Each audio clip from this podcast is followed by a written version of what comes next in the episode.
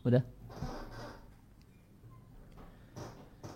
Alhamdulillah wassalatu wassalamu ala rasulillah wa ala alihi wa sahbihi wa man tabi'ahum bi ihsanin ila yaumidin amma ba'd kaum muslimin dan muslimah rahimani wa rahimakumullah kembali kita lanjutkan kajian tafsir suratul fatihah dari tafsir Ibnu Kathir Asy-Syafi'i rahimallahu taala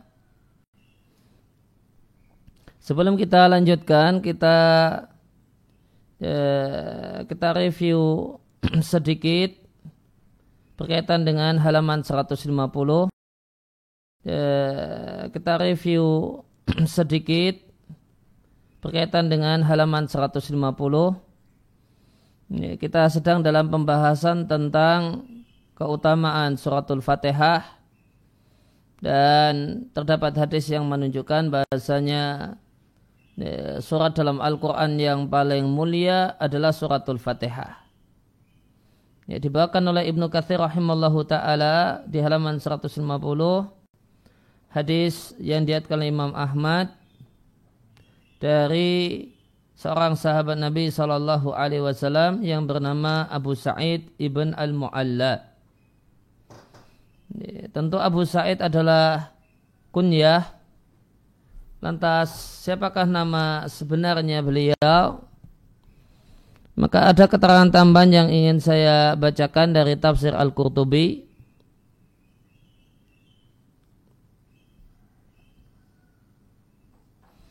E, di tafsir Qurtubi dikutip perkataan Ibnu Abdul Bar Al-Maliki di kitabnya At-Tamhid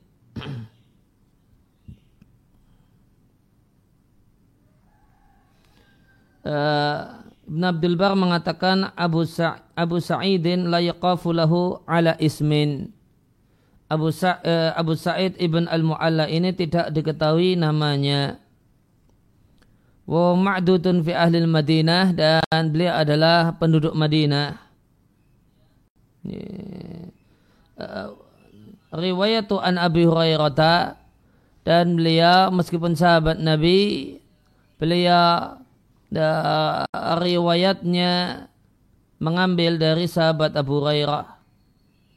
Sehingga jika tanpa disebutkan ya, dari siapakah dia mendapatkannya maka tergolong uh, mursal dan ini adalah ya, mursal sahabi dan mursal sahabi itu hujah dan dalil.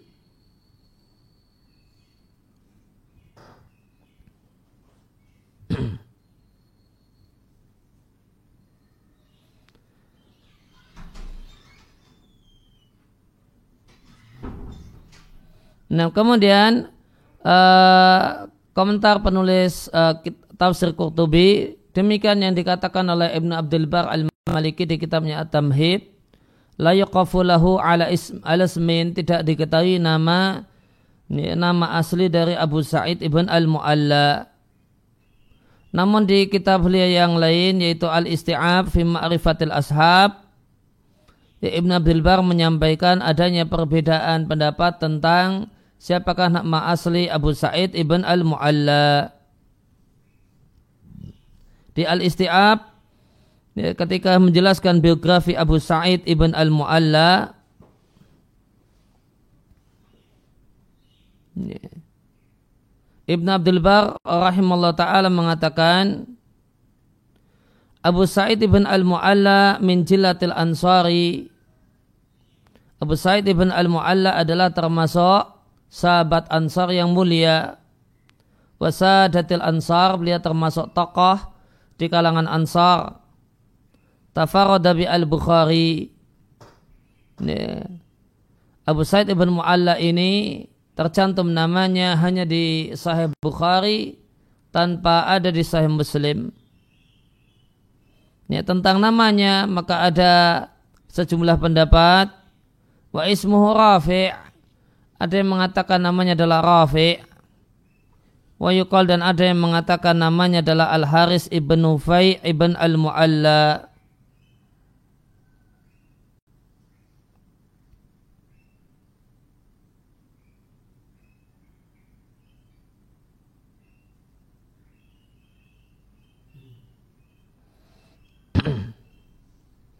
Ya, namun Ibn Abdul Bar mengatakan siapa yang mengatakan namanya adalah Rafi ibn Mu'alla maka keliru.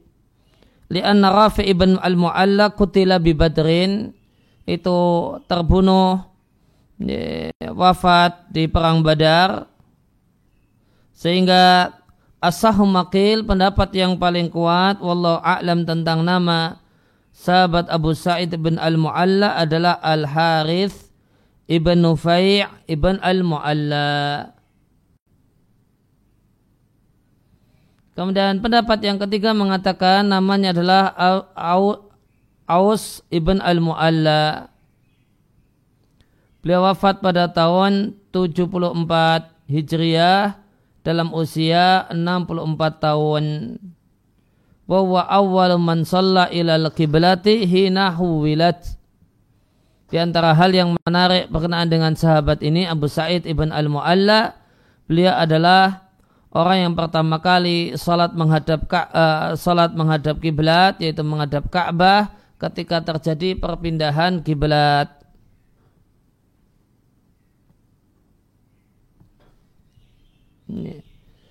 Maka di kembali ke tafsir Ibnu Katsir maka dari sahabat Abu Said ibn al-Mu'alla beliau mengatakan, aku salat lantas Rasulullah Sallallahu Alaihi Wasallam memanggilku dan aku tidaklah memenuhi panggilan Nabi sampai aku selesaikan salatku. Ku datangi Nabi Sallallahu Alaihi Wasallam lantas Nabi mengatakan, apa yang menghalangi untuk datang menemuiku? Qal qultu ya Rasulullah, aku katakan wahai Rasulullah, inni kuntu usalli. Aku sedang salat. Qal maka Nabi mengatakan Tidakkah Allah Ta'ala berfirman Ya ayyalladzina amanu stajibu lillahi walir rasul Ida da'akum lima yuhyikum. Baik orang-orang yang beriman Penuhilah panggilan Allah dan Rasulnya. Jika Allah atau Rasulnya memanggil kalian Lima untuk mendapatkan hak sesuatu yang menghidupkan kalian. Maka ayat ini surat Al-Anfal 24 dalil bahasanya wahyu adalah sebab kehidupan.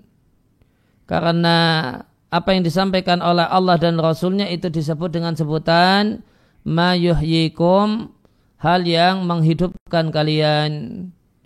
Ya, maka Al-Quran dan hadis Nabi adalah sebab hidupnya hati maka hati yang tidak pernah tersirami Al-Quran, tidak tersirami hadis-hadis Nabi Sallallahu Alaihi Wasallam adalah hati yang mati. Ini, maka di sini pentingnya seorang Muslim untuk senantiasa belajar dan belajar, ngaji dan ngaji agar tersiram ya, Al-Quran dan hadis-hadis Nabi Sallallahu Alaihi Wasallam. Thumma kemudian Nabi mengatakan maka ku ajarkan kepadamu a'dhamma suratin fil Qur'ani surat yang paling aku dalam Al-Qur'an sebelum engkau keluar dari masjid ini. Qal fa akhadha biyadi kata Abu Said ibn Al-Mu'alla. Ya, Nabi pegang tanganku maka tatkala Nabi ingin keluar dari masjid kutanyakan Wahai Rasulullah innaka kulta senya engkau tadi mengatakan akan aku ajarkan padamu a'dhama suratin fil Quran surat yang paling aku dalam Al-Quran. Maka di sini kita jumpai faedah bahasanya nagih janji orang yang lebih mulia guru atau pemimpin atau yang lainnya satu hal yang tidak mengapa dan bukan bagian dari adab yang jelek ya, sebagian murid sungkan untuk uh, menagih janji gurunya untuk menjelaskan sesuatu dan beranggapan bahasanya itu adalah adab yang buruk dan ini adalah satu hal yang tidak tepat. Yeah. Kita jumpai di sini sahabat ya, mengingatkan Nabi dengan janjinya dan menagih janji Nabi Shallallahu Alaihi Wasallam. Maka Nabi katakan naam betul. Surat yang paling agung adalah Alhamdulillahi Rabbil Alamin. Maksudnya surat yang terkandung uh, padanya kalimat Alhamdulillahi Rabbil Alamin yaitu suratul Fatihah yang dia nama lainnya adalah tujuh ayat yang berulang-ulang dan dia adalah bacaan yang agung yang diberikan kepadaku. Wahakada dan demikian dengan sanad yang sama diatkan oleh Al-Bukhari dari Musaddad dan Ali ibn Al-Madini. Keduanya dari Yahya ibn Said Al-Qattan bihi dengan redaksi yang sama. Dan di sini juga diatkan oleh Bukhari di tempat yang lain di dalam Sahih Bukhari yaitu di uh, di bab tafsir. Demikian juga oleh Abu Dawud Nasai Ibnu Majah min turuqin dari berbagai macam jalur an syu'bah dari syu'bah bihi dengan redaksi yang sama. Nah kalau dalam riat Al-Waqidi dari Muhammad ibn Mu'ad al-Ansari dari Khabib ibn Abdurrahman dari Hafiz ibn Asim dari Abu Said ibn Mu'alla an Abi an Ubay ibn Ka'ab.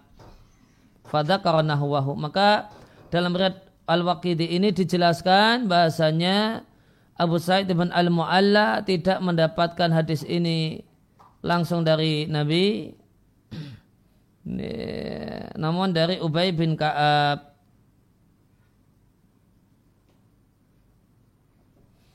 Kemudian terdapat dalam muata Imam Malik bin Anas rahimallahu taala satu hal yang patut untuk diingatkan.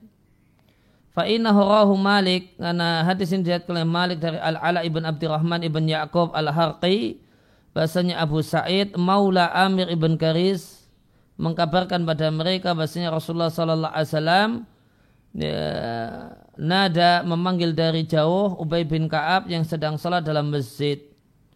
Falamma farara min salati setelah ya, Ubay menyelesaikan salatnya lahiqahu Ubay menyusul Nabi lantas Nabi Sallallahu Alaihi Wasallam meletakkan tangannya pada tanganku dan bahwa dan Nabi ingin keluar dari salah satu pintu masjid.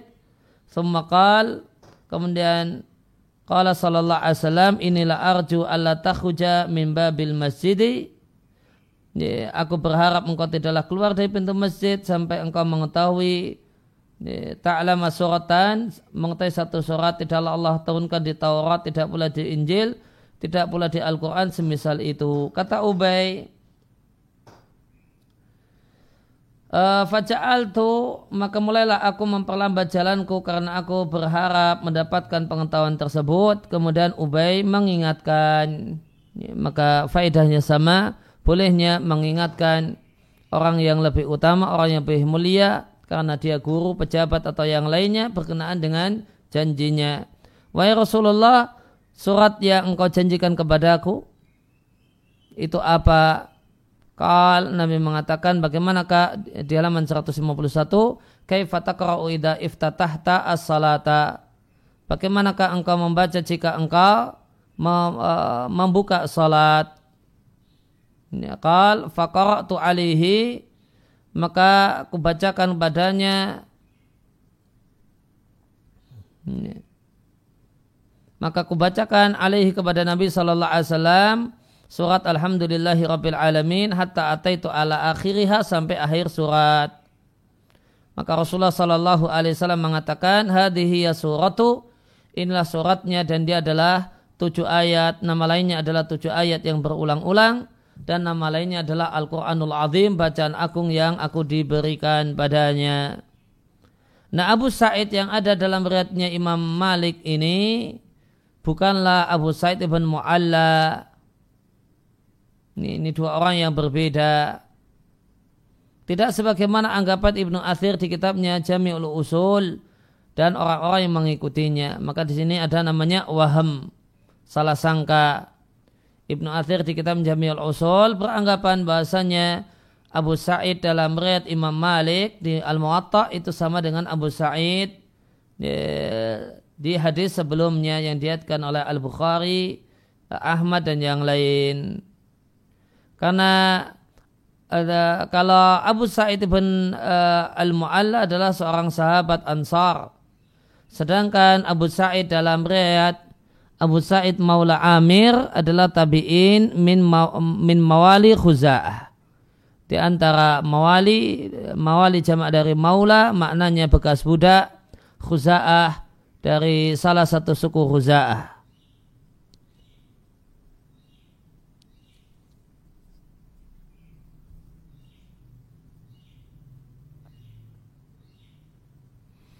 Wadakal hadis Wadakal hadisu muttasilun sahihun. Dan hadis tersebut yaitu hadis uh, yang ada dalam riwayat Muwatta itu adalah bersambung dan sahih. Wahada sedangkan hadis uh, Abu Sa'id ibn Mu'alla zahiruhu annahu munqati'un. Zahirnya adalah munqati'. Ya, yaitu maksudnya terputus karena Abu Sa'id al ibn Mu'alla ya, langsung kepada Nabi. Ya, kata Ibnu uh, Ibnu Kathir ini mengkota ilam yakun sami uh, sami'ahu Abu Sa'idin hada min Ubay ibn Ka'bin. Ini mengkota jika Abu Sa'id ibn Mu'ala ini tidak mendengar dari Ubay bin Ka'ab. Karena uh, pelaku dalam masalah ini yang betul adalah Ubay bin Ka'ab. Maka riat Imam Ahmad itu uh, putus, putus di sini maknanya mursal sahabi. Dan perlu diketahui bahasanya mursal sahabi itu hujah. Sahabat uh, ngambil hadis dari sahabat yang lain namun tidak cerita kalau ngambil dari sahabat yang lain. Fa'inkan qad sami'ahu jika Abu Said ibn Mu'alla itu mendengar minhu dari Ubay ibn Ka'ab fawa ala sarti muslimin.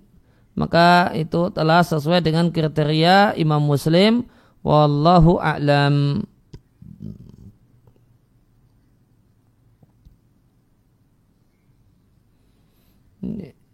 Ala annahu namun ingat qad ruya an, uh, an Ubay bin Ka'bin min ghairi wajahin Bahasanya hadis ini telah diriatkan dari sumber aslinya yaitu Ubay bin Ka'ab min ghairi wajhin dalam banyak sanad. Maka sanad yang ada bukan hanya sanad yang ada dalam riatnya Imam Ahmad, namun ada sanad-sanad yang lain yang tadi di yang di antaranya yang diriatkan oleh uh, Imam Malik dalam Al-Muwatta. Kama kala Imam Ahmad sebagaimana dikatakan Imam Ahmad ada sana Affan, qala hadasana Abdurrahman ibn Ibrahim, qala hadasana Al-Ala ibn Abdurrahman an abihi dari ayahnya dari Abu Hurairah radhiyallahu taala anhu. Qal Abu Hurairah mengatakan Rasulullah sallallahu alaihi wasallam keluar dari rumahnya ala menemui Ubay ibn Ka'ab yang sedang salat. Maka Nabi memanggil ya Ubay. Maka Ubay menoleh namun tidak mendatangi Nabi. Thumma sholla Ubay, Ubay tetap melanjutkan sholatnya. Cuma Ubay mempercepat sholatnya, khafafa, mempercepat sholatnya, suman sorofa, kemudian dia selesaikan sholatnya, ila, kemudian menuju Rasulullah Sallallahu Alaihi Wasallam, kemudian mengatakan Assalamu alayka ay Rasulallahi, ay artinya ya, ya Rasulallahi. Maka hadis ini uh, dalil menunjukkan uh, bolehnya menoleh uh, dalam sholat. Dan menoleh dalam sholat itu hukumnya makruh. Dan makruh itu berubah menjadi mubah jika ada hajat dan kebutuhan. Dalam hal ini terdapat hajat dan kebutuhan yaitu adanya panggilan. Maka Ubay bin Ka'ab menoleh. Dan menoleh yang diperbolehkan ketika ada kebutuhan adalah tanpa uh, bergesernya dada dari arah kiblat. Jadi yang bergerak hanya kepala saja. Nah, begini atau demikian. Tanpa sedangkan dada itu tetap lurus namun kepala uh, beris, uh, menoleh ke kiri atau ke kanan. Ya, sisi pendalilannya Ubay menoleh dan nanti sampai akhir hadis tidak kita jumpai Nabi Shallallahu Alaihi Wasallam menegur perbuatan Ubay yang menoleh dalam sholatnya. Kemudian eh, di sini menunjukkan bahasanya orang yang khusyuk dalam sholat itu tidak harus tidak mendengar suara yang ada di sekelilingnya. Ubay bin Kaab mengerjakan sholat sunnah dan dia tetap mendengar eh, suara yang ada di sekelilingnya ya, dalam hal ini suara panggilan uh, sang panggilan Nabi Shallallahu Alaihi Wasallam. Kemudian kita lihat di sini ketika Ubay menemui Nabi Shallallahu Alaihi Wasallam, Ubay membukanya dengan ucapan salam Assalamualaikum ay Rasulullahi Fakal maka Nabi mengatakan wa salamu maka ya, salam ini redaksi salam ini menunjukkan bahasanya ya, redaksi salam itu tidak harus menggunakan domir jama' assalamualaikum non boleh menyesuaikan domir assalamualaikum assalamualaikum assalamualaikuma dan seterusnya Kemudian Nabi mengatakan ma manaka ai Ubay idza ta'autuka an tujibani. Wahai Ubay, apa yang menghalangimu ketika aku memanggilmu? Ini apa yang menghalangimu untuk datang menemuiku? Maka Ubay mengatakan, Ay Rasulullah, Wahai Rasulullah, ini kuntu fi salati, aku sedang salat yaitu salat sunnah. Maka di sini kita uh, jumpai cara menegur yang baik yang dicontohkan oleh Nabi Shallallahu Alaihi Wasallam yaitu melakukan konfirmasi terlebih dahulu baru menegur. Nabi ingin tahu apa alasannya kenapa Ubay tidak melakukan sebagaimana harapan Nabi. Nabi tanyakan apa alasanmu? Kemudian barulah Nabi jelaskan awalas tajidu fi ma'auhallahu ta'ala ilayya Bukankah engkau jumpai di antara wahyu yang Allah berikan kepada aku istajibu lillahi wali rasul idza ta'akum lima yuhyikum. Kalau Ubay mengatakan betul wahai Rasulullah la a'udu. Aku tidak akan mengulangi. Ya, maka di sini kita uh, jumpai adab yang baik ketika orang itu ya, mengerti kalau dirinya salah. Ya, dia sampaikan kepada dia, maka dia katakan dan dia sampaikan, aku tidak akan mengulangi. Aku janji tidak akan mengulangi. Kal, kemudian Nabi mengatakan, apakah engkau suka anu maka aku ajarkan kepadamu satu surat yang tidak pernah turun dalam Taurat, tidak pula Injil, tidak pula Zabur, tidak pula di Al-Furqan, semisal itu. Maka di sini dalil bahasanya nama lain dari Al-Quran adalah Al-Furqan. Maka Ubay mengatakan naam ay Rasulullah ya saya suka wahai Rasulullah. Maka Rasulullah Shallallahu Alaihi Wasallam mengatakan sungguh aku berharap aku tidaklah keluar dari pintu ini sampai engkau mengetahuinya. Maka Rasulullah Shallallahu Alaihi Wasallam memegang tanganku dan berbicara kepadaku dan aku memperlambat langkah makhafatakana khawatir Nabi uh, ayah belura Nabi sampai ke pintu sebelum Nabi selesaikan obrolannya. Falam madanauna berpindah ke halaman 152 maka tatkala kami telah dekat dengan pintu kukatakan ay Rasulullah masuratul lati wa'adani Wahai Rasulullah surat apakah yang kau janjikan kepada aku maka Nabi katakan apa yang kau baca ketika salat Qal faqara'tu alaih maka ku bacakan di hadapan Nabi ummal Qur'ani itu Al-Quran. Maka di sini dalil bahasanya nama lain dari Al-Fatihah adalah Ummul Quran. Kemudian Nabi Shallallahu Alaihi Wasallam mengatakan, demi Allah zat yang jiwaku ada di tangannya tidaklah Allah turunkan dalam Taurat, tidak pula dalam Injil, tidak pula dalam Zabur, tidak pula dalam Al-Quran, yaitu Al-Furqan, semisal Al-Fatihah. Dia adalah tujuh ayat yang diulang-ulang. Hadis ini diatkan oleh At-Tirmidzi dari Kutaibah dari Ad-Dawurdi dari Al-Ala dari ayahnya dari Abu Hurairah radhiallahu anhu fadakarahu dan lanjut terusnya hadis. Wa ingda dan dalam riwayat Tirmidzi dicek dalam riwayat Tirmidzi Nabi katakan bahasanya dia adalah tujuh ayat yang berulang-ulang dan bacaan agung yang aku diberi ya, yang diberikan kepada aku. Sumakal kemudian Tirmidzi mengatakan ini adalah hadis hasan sahih. Wafil bab dan dalam masalah ini yaitu dalam berkenan dengan masalah Al-Quran adalah surat yang paling agung terdapat hadis dari Anas bin Malik.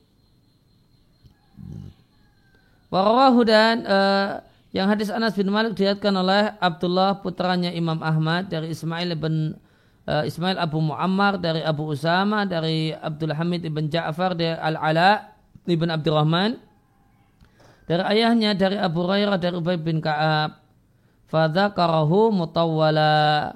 Maka di hadis yang diatkan oleh Abdullah ibn Imam Ahmad di Zawaid Musnad beliau sebutkan mutawwala hadisnya panjang dengan semisal atau mirip dengan redaksi yang tadi telah kita baca.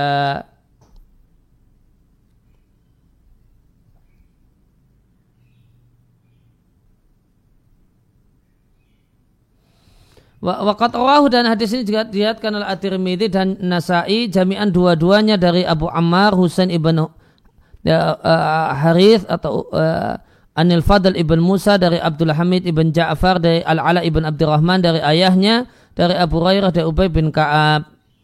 Rasulullah sallallahu alaihi wasallam menyampaikan, "Ma anzalallahu tidaklah Allah menurunkan dalam Taurat tidak pula dalam Injil misla ummil Quran semisal ummul Quran. Dia adalah tujuh ayat yang berulang-ulang.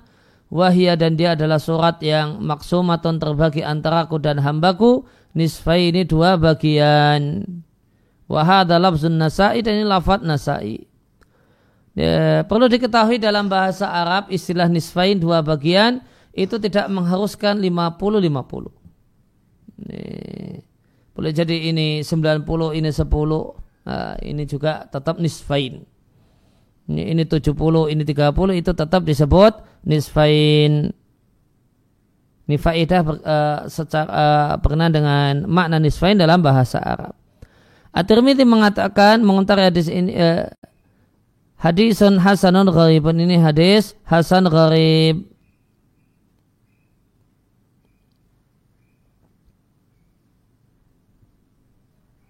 Ya, uh, maka ini sejumlah hadis yang menunjukkan bahasanya tidak pernah turun dalam Taurat, Injil, Zabur, dan Al-Quran satu surat semisal Al-Fatihah. Hmm. Apa makna kalimat ini? Penjelasan tentang makna kalimat ini ada di tafsir Al-Qurtubi.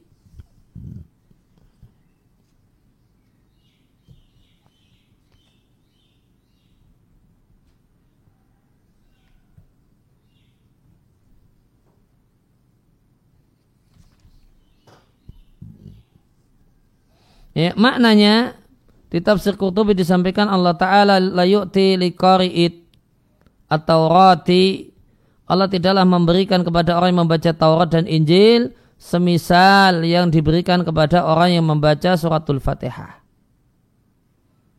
Karena Allah dengan anugerahnya dan kasih sayangnya lebih memuliakan umat ini daripada umat-umat yang lainnya. Allah berikan untuk umat ini satu keutamaan melebihi Minal fadli Allah berikan keutamaan karena membaca Al-Quran yang merupakan firmannya lebih banyak daripada apa yang Allah berikan kepada umat-umat yang lain karena membaca firman-firman Allah. Inilah satu fadl keutamaan dan anugerah Allah untuk umat ini.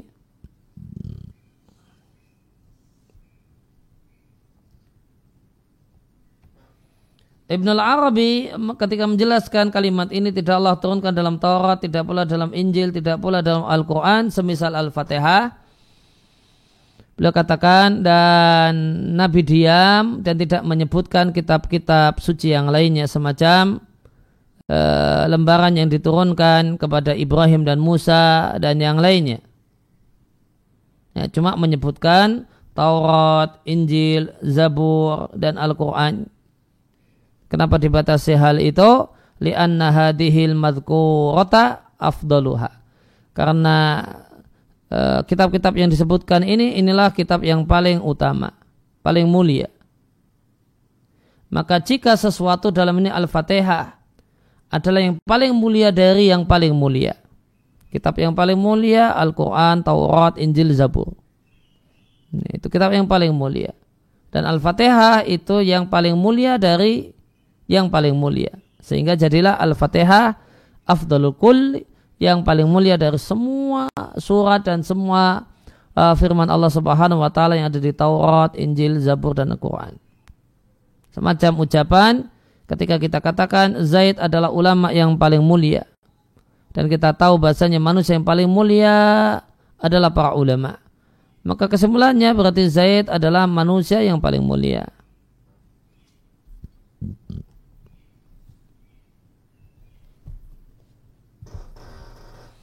Nah, kemudian selanjutnya kembali ke tafsir Ibnu Katsir. Ibnu Katsir uh, membawakan hadis yang diriwayatkan Imam Ahmad. Kalau hadis uh, Imam Ahmad mengatakan hadasana Muhammad ibn Ubaid, kalau hadasana Hashim yakni ibn Al-Barid, kalau hadasana Abdullah ibn Muhammad ibn Aqil an ibn Jabir. Qal intahaitu ila Rasulillah sallallahu alaihi wasallam. Ya, aku mendatangi Rasulullah sallallahu alaihi wasallam dan air yaitu air wudhu sedang dituangkan. Maka aku mengucapkan salam assalamualaikum ya Rasulullah. Falam yarudda alayya Nabi tidak menjawab salamku. Lantas ku ulangi assalamualaikum ya Rasulullah. Nabi tidak menjawab salamku. Fantalaqa Rasulullah sallallahu alaihi wasallam maka berangkat Rasulullah sallallahu alaihi wasallam jalan kaki dan aku di belakangnya sampai Nabi memasuki uh, hatta dakhala ya, sampai Nabi masuk ke rumahnya dan aku masuk ke dalam masjid. Maka jedalah aku kaiban hazina sedih dan sedih. Fakharaja alayya Rasulullah sallallahu alaihi wasallam maka Rasulullah sallallahu alaihi wasallam keluar dari rumahnya menemuiku Waqat tatahara dan Nabi telah bersuci. Barulah Nabi menjawab ucapan salamku. Alaikassalamu warahmatullahi. Wa alaikassalamu warahmatullahi. Ya, maka ini uh, maka kita lihat uh, sedihnya seorang sahabat karena Rasulullah Sallallahu Alaihi Wasallam tidak mau atau kemudian Rasul tidak langsung menjawab ucapan salamnya. Dan kita lihat Nabi baru berkenan untuk menjawab salam sahabat ini setelah beliau menyelesaikan toharohnya. Maka ini menunjukkan bahasanya jawaban ucapan salam tidak harus uh, langsung berdekatan. Bisa saja bisa saja ada uh, selisih waktu. Sumakal kemudian Nabi mengatakan, maka aku kabarkan kepadamu wahai Abdullah ibn Jabir bi akhyari suratin fil Qur'ani dengan surat yang paling khair yang terbaik dalam Al-Quran. Maka aku katakan bala ya Rasulullah. Tentu aku mau. Kalau Nabi katakan bacalah Alhamdulillahirrahmanirrahim sampai engkau menyelesaikannya. Komentar Ibnu Katsir tentang sanat dalam hadis Imam Ahmad ini hada isnadun jayyid ini adalah sanat yang jayyid.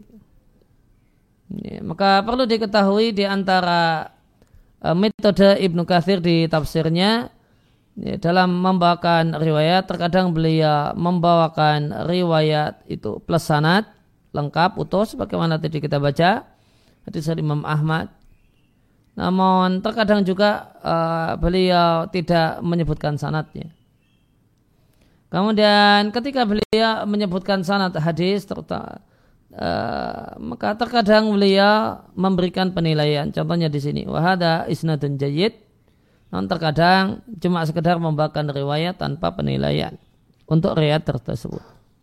Ibnu Akil ini dipakai hujah oleh para imam besar dan Abdullah bin Jabir ini adalah seorang sahabat. E, namun Ibnu Jauzi menyebutkan kalau dia adalah Jabir bin Abdullah al-Abdi wallahu a'lam. Dan disebut juga uh, dan, dan ada yang mengatakan dia adalah Abdullah bin Jabir al-Ansari al-Bayadi Demikian yang disebutkan oleh Al-Hafidh Ibnu Asakir. Di uh, di catatan kaki dari Ibn Jauzi disampaikan tentang dia adalah Abdullah bin Jabir al-Ansari wala ala hadah waswab dan boleh jadi inilah yang benar.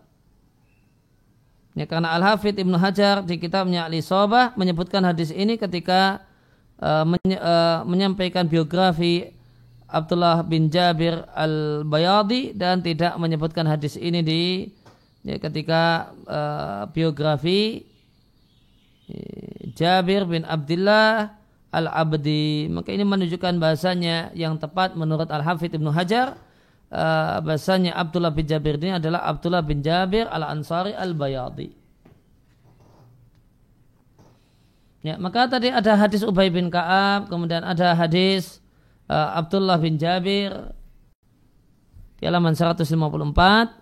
Maka para ulama berdalil dengan hadis ini dan dalil yang semisal untuk mengatakan bahasanya satu ayat itu lebih unggul daripada yang lain, satu surat itu lebih unggul daripada yang lain. Dan ini adalah pendapat yang diceritakan dari banyak ulama di antaranya adalah Ishaq ibn uh, Rahawai atau Rahuyah, Abu Bakar ibn al-Arabi, ibn al-Hasar dari kalangan Malikiyah. Wa dhahabat ta'ifatun ukhra dan sekelompok ulama yang lain berpendapat bahasanya tidak ada bertingkat-tingkatnya uh, bertingkat-tingkatnya ayat atau surat. Alasannya karena semuanya adalah firman Allah. Alasan yang kedua supaya li'alla yuhim tidak menimbulkan kesan ya, atafil ketika kita katakan unggul salah satunya berarti uh, kurang bagus dan jeleknya yang kurang unggul meskipun semuanya sama-sama unggul. Qurtubi mengutip bahasanya yang mengatakan tidak boleh tidak ada ya, la tafadula fidalik tidak ada bertingkat-tingkat dalam masalah uh, ayat dan surat adalah pendapat Abu Hasan al-Ash'ari dan Abu Bakar al-Baqilani serta Abu Hatim ibn Hibban al-Busti Yahya bin Yahya dan satu riwayat dari Imam Malik ayat juga dan yang benar tentu adalah uh, pendapat yang pertama yang menegaskan bahasanya ayat itu uh, bahasanya surat itu bertingkat-tingkat sehingga Nabi katakan surat Al-Fatihah lebih mulia daripada surat yang lainnya. Demikian juga ayat itu bertingkat-tingkat. Oleh karena itu Nabi sampaikan bahasanya ayatul kursi itu lebih mulia daripada ayat-ayat yang lain. Dan menarik ada perkataan uh, Ibnul Hasar dari kalangan Malikiyah tentang masalah ini.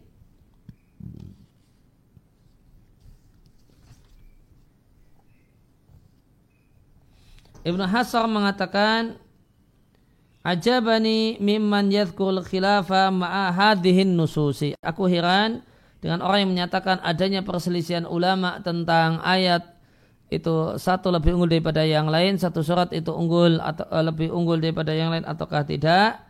Aku heran dengan orang yang menyebutkan perselisihan mahadin nusus padahal nas atau dalil demikian tegas menunjukkan kalau ya, surat itu satu lebih unggul daripada yang lain, ayat itu satu lebih mulia daripada yang lain.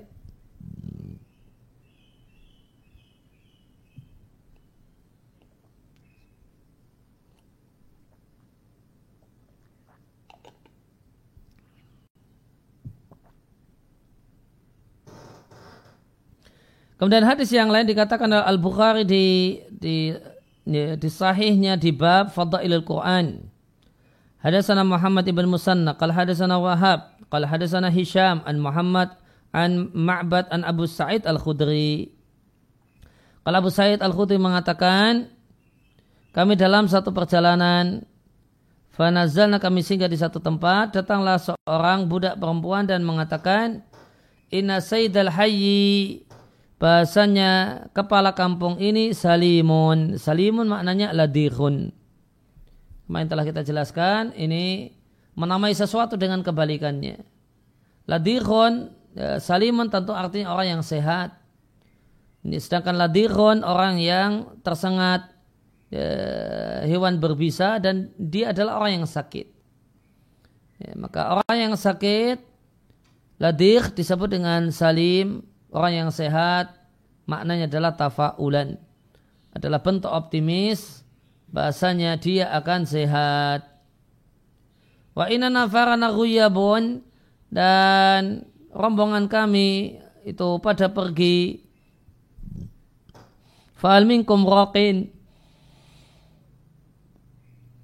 Maka apa ada, apakah ada di antara kalian orang yang biasa meru'yah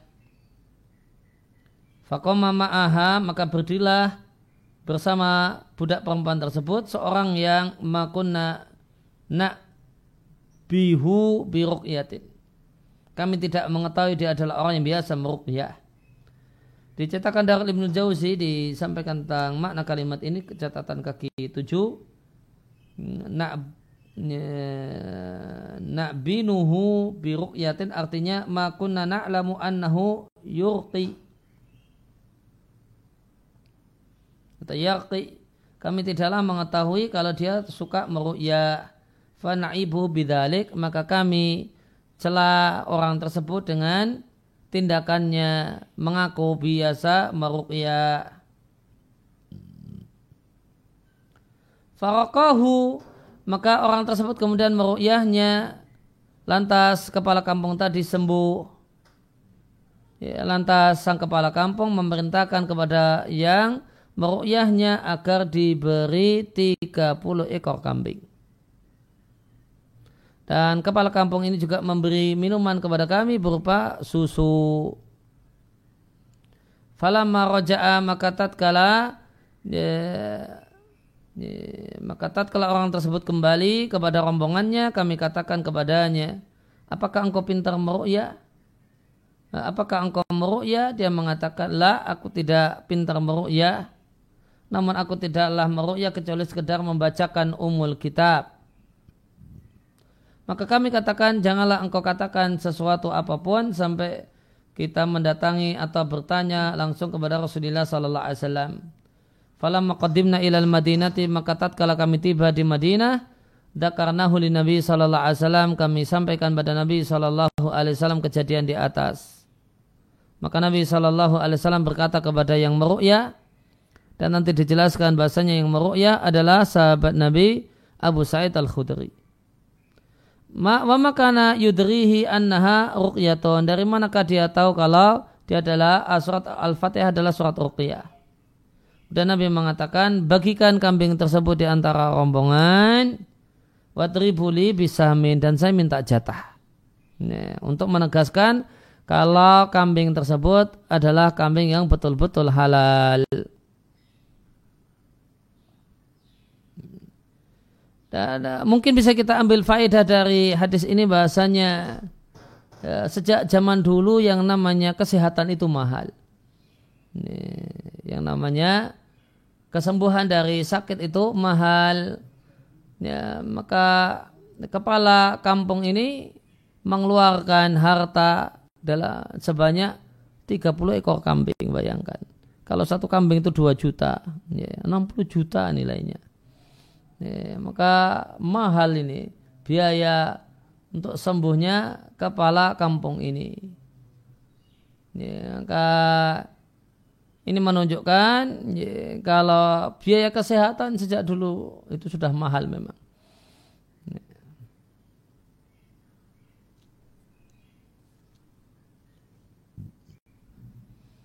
Kemudian kalau Abu Ma'mar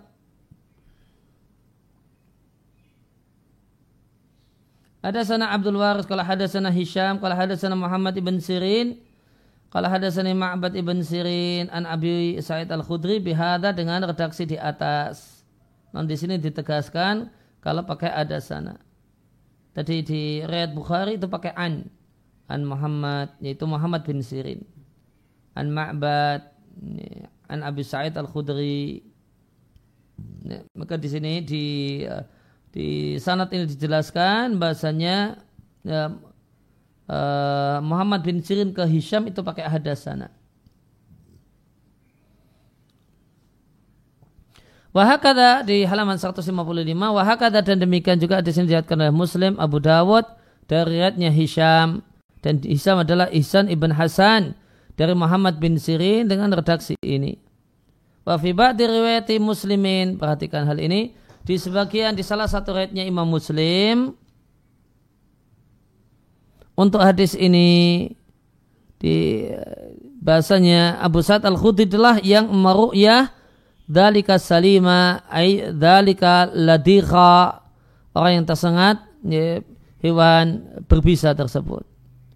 Yakni yang dimaksud dengan salim adalah aladir yusamunahu orang Arab menamai orang yang tersengat binatang berbisa dengan sebutan salim, bidalika dengan sebutan salim, tafaulan sebagai bentuk optimis. Namun di cetakan dari Ibnu Jauzi terdapat uh, faedah ini berkenaan dengan wafibat dari muslimin dikomentari demikian yang dikatakan oleh Ibnu Kathir wahad wa wahmun dan ini salah paham karena ini tidak terdapat dalam saya muslim Namun yang menegaskan kalau pengru'yahnya adalah sahabat Nabi Abu Sa'id Al-Khudri adalah uh, terdapat dalam riwayat Nasai di kitabnya Al-Yawmi wal Lailah, Tirmidzi, Ibnu Majah dan Ahmad.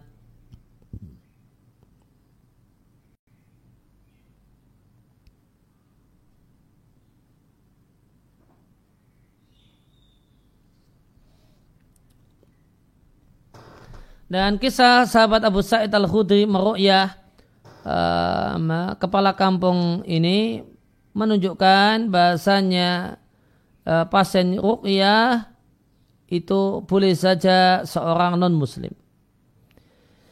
Karena kepala kampung tersebut adalah orang kafir. Ini, maka boleh uh, seorang muslim meru'yah orang kafir atau non-muslim. Kemudian uh, hadis ini dalil bolehnya meminta upah dalam ru'yah. Nah, tentu beda antara ujrah upah dengan hadiah.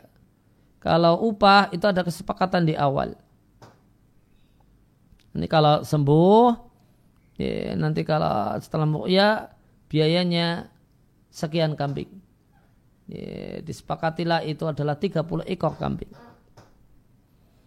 Ya, maka jika Eh, kalau hadiah itu tentu tidak ada kesepakatan di awal. Bahkan boleh jadi cuma sekedar terima kasih.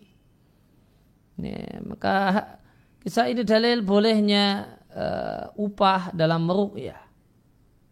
Ya, jika upah dalam ru'yah itu boleh, maka hadiah karena meruqyah tentu lebih boleh. Namun di sini uh, namun, namun perlu diingat bahasanya upah dalam eh, meru'yah itu boleh dengan syarat sembuh. Ini, dengan syarat sembuh. Jadi saya akan ru'yah minta upah sekian sekian. Nah, ini satu hal yang tidak mengapa. Ya, namun ya, dengan syarat sembuh.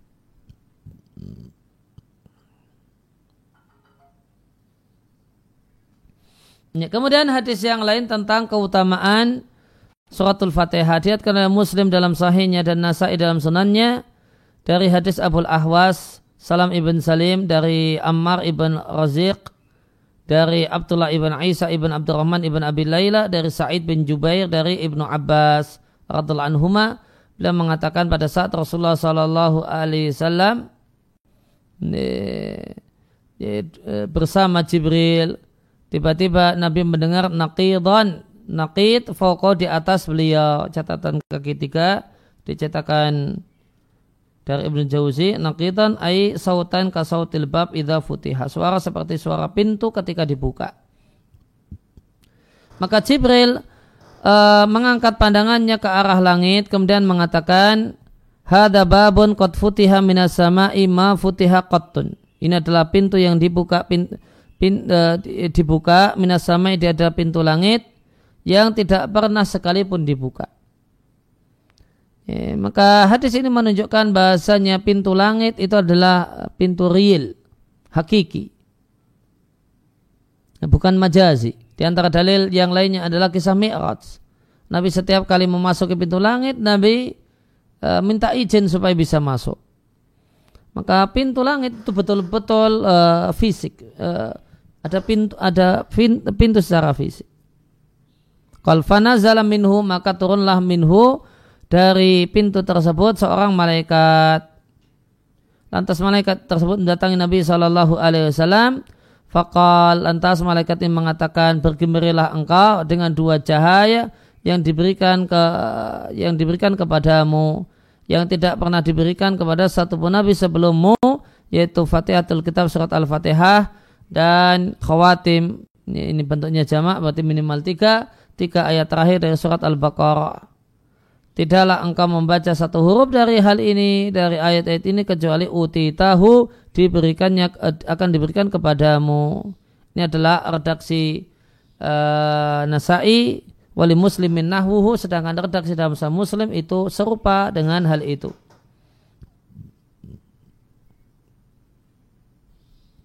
Ya, maka hadis ini menunjukkan bahasanya Ya, suratul Fatihah dengan tiga ayat terakhir surat Ali Imran itu disebut dengan dua cahaya. yang diberikan pada Nabi Shallallahu Alaihi Wasallam tidak pernah diberikan kepada satupun Nabi eh, sebelumnya. Kemudian Malaikat tadi mengatakan lam takra harfan minha ila tahu. Tidaklah engkau membaca satu huruf. Satu huruf di sini maksudnya satu kalimat. Ini bukanlah maknanya per huruf itu ada doanya kita terkandung doa. Ini gitu. Maka misalnya alhamdu alif itu apa, lam itu apa, bukan demikian. Namun harfan minha artinya satu kalimat darinya. Ini kalau pakai ya, dalam balaghah namanya disebutkan sebagian dan dimaksudkan keseluruhan. Ya, huruf tentu bagian dari Al-Fatihah, namanya yang dimaksudkan adalah uh, membaca kalimat-kalimat dalam surat Al-Fatihah. Ada sebagian orang yang berdalil dengan hadis ini untuk mengatakan bahwasanya ini satu hal yang bagus uh, membuka uh, doa dengan membaca Al-Fatihah terlebih dahulu. Dengan alasan lam tuqra harfan minha ila utitahu. Tidaklah engkau membaca satu kalimat darinya kecuali dikabulkan. Ini, maka ini jadi dalil sebelum doa dianjurkan untuk baca Al-Fatihah terlebih dahulu. Ini istidlal dan pendapat sebagian orang dan ini tentu tidak tepat.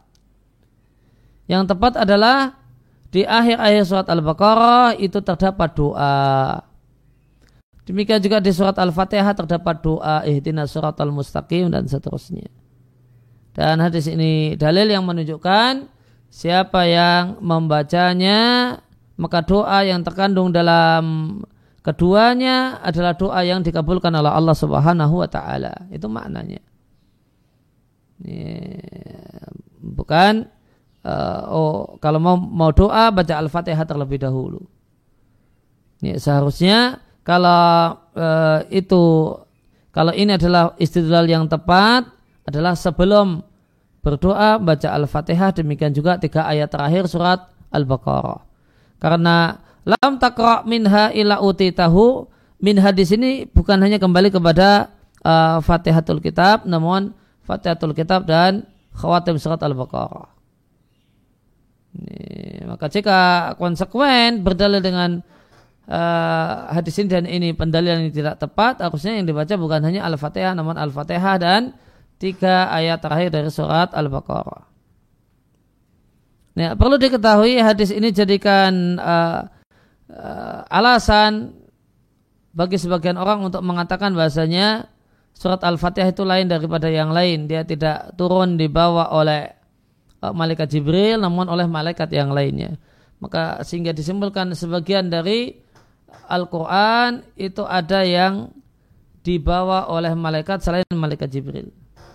Namun ini dinilai sebagai uh, pendapat yang dan kesimpulan yang terburu-buru dan tidak tepat sebagaimana disampaikan oleh Syekh Mustafa Al-Adawi di kitabnya uh, kitab tafsir beliau At-Tazhil Lita'wil Tanzil. Ini surat uh, ketika membahas surat Al-Baqarah.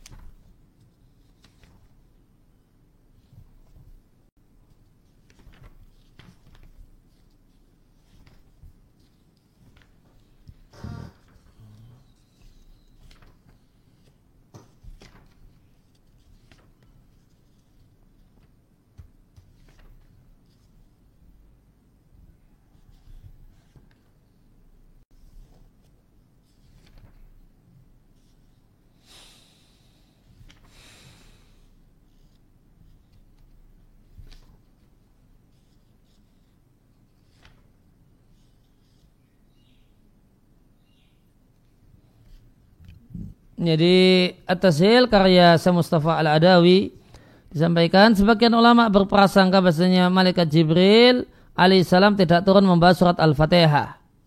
Inna manazala biya malakun akhar ghairuhu. Yang turun bahwa Al-Fatihah adalah malaikat yang lain selain Jibril. Ini, maka alasan orang yang berpendapat demikian hadis Ibnu Abbas yang tadi kita telah baca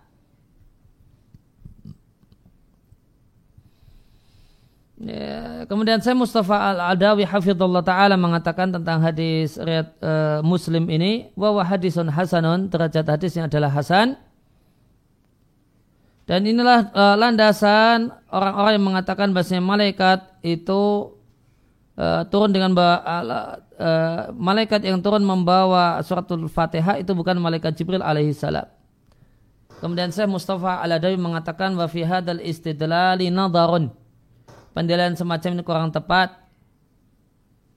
Fa'inal malaka malaikat itu hanyalah uh, malaikat yang disebutkan di hadis ini nazala turun yubayinu fadl fatihah. Turun untuk menjelaskan keutamaan Al-Fatihah dan khawatim atau tiga uh, ayat terakhir dari surat Al-Baqarah. Wa amma Jibril alaihissalamu faqad nazala bil Qur'ani kullihi. Karena seluruh Al-Quran itu turun dibawa oleh Jibril. Sebagaimana firman Allah Ta'ala di surat Ash-Shu'ara. Di ayat 193-194. Nazala bi ruhul amin ala qalbika litakuna minal mungdirin. Ya, ruhul amin itu malaikat Jibril turun bawa Al-Quran pada hatimu supaya engkau termasuk Rasul yang memberikan peringatan. Jadi malaikat yang disebutkan dalam hadis ini turun dengan tugas menjelaskan keutamaan surat Al-Fatihah dan tiga ayat terakhir dari surat Al-Baqarah. Bukan turun mewahyukan Al-Fatihah. Dan tiga uh, ayat terakhir dari surat Al-Baqarah. Bedakan dua hal ini. Kalau turun mewahyukan Al-Fatihah dan tiga uh, ayat terakhir dari surat Al-Baqarah, yang melakukannya adalah malaikat Jibril. Sedangkan malaikat yang disebutkan dalam hadis ini turun untuk menjelaskan keutamaan surat Al-Fatihah dan keutamaan tiga uh, ayat terakhir dari uh, surat Al-Baqarah.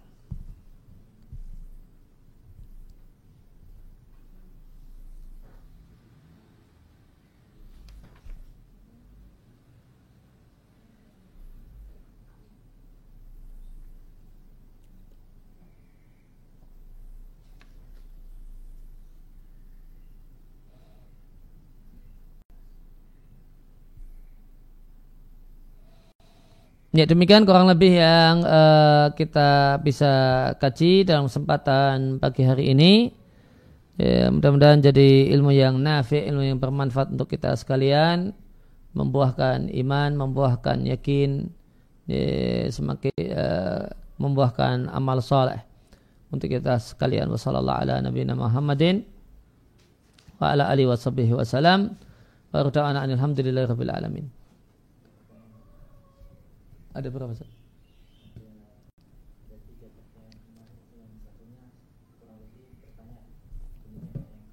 Oh ya, yang enggak usah berarti.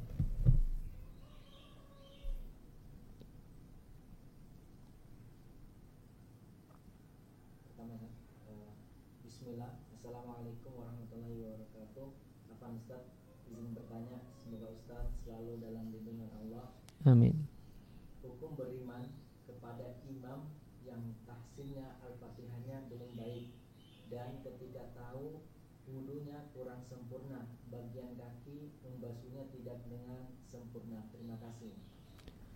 Ya, ada kasus uh, imam yang bacaan Qur'annya tidak baik dan wudhunya tidak benar. Uh, kemudian maka pembahasan tentang hal ini tentang bacaan Al-Fatihah yang tidak baik dari imam tersebut insya Allah akan kita bahas di lain kesempatan. Namun berkenaan dengan wudhu dan basuhan kaki maka perlu dipastikan apa yang dimaksudkan dengan basuhan kaki yang tidak sempurna jika yang dimaksudkan ada bagian yang wajib dibasuh, diguyur air ternyata kering, ya maka ini sholat yang tidak sah. Wudhu yang tidak sah dan sholat yang tidak sah. Dan makmum yang tahu kalau imamnya itu sholatnya tidak sah, tidak boleh bermakmum kepadanya. Dan jika dia tahunya di tengah-tengah sholat, maka wajib baginya untuk niat sendiri dan tidak uh, lanjut uh, sholat bersamanya. Nah, nah.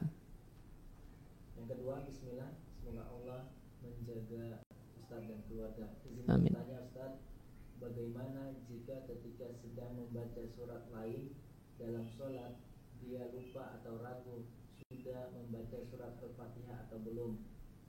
Apakah setelah membaca surat lain tersebut boleh membaca surat Al-Fatihah atau tidak karena lupa ragu sebelumnya? Ya, ada seorang yang uh, ya, sholat kemudian setelah selesai membaca surat timbul keraguan. Tadi sudah membaca al-fatihah ataukah tidak?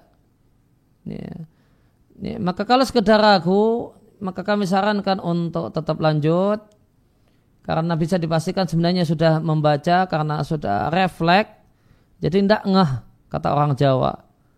Ya, tiba-tiba sadarnya setelah uh, baca surat. Oh baru eh tadi baca al-fatihah ataukah tidak gitu. Ya, ini karena sudah demikian uh, melekatnya dalam pikiran langsung baca surat al-fatihah kemudian baca surat sehingga jika uh, jika sekedar ragu-ragu maka silakan dilanjut. Tidak perlu uh, membaca al-fatihah karena sekedar ragu-ragu kecuali jika yakin oh ini kok langsung baca surat tadi belum baca al-fatihah maka wajib baca al-fatihah karena baca al-fatihah rukun dalam sholat.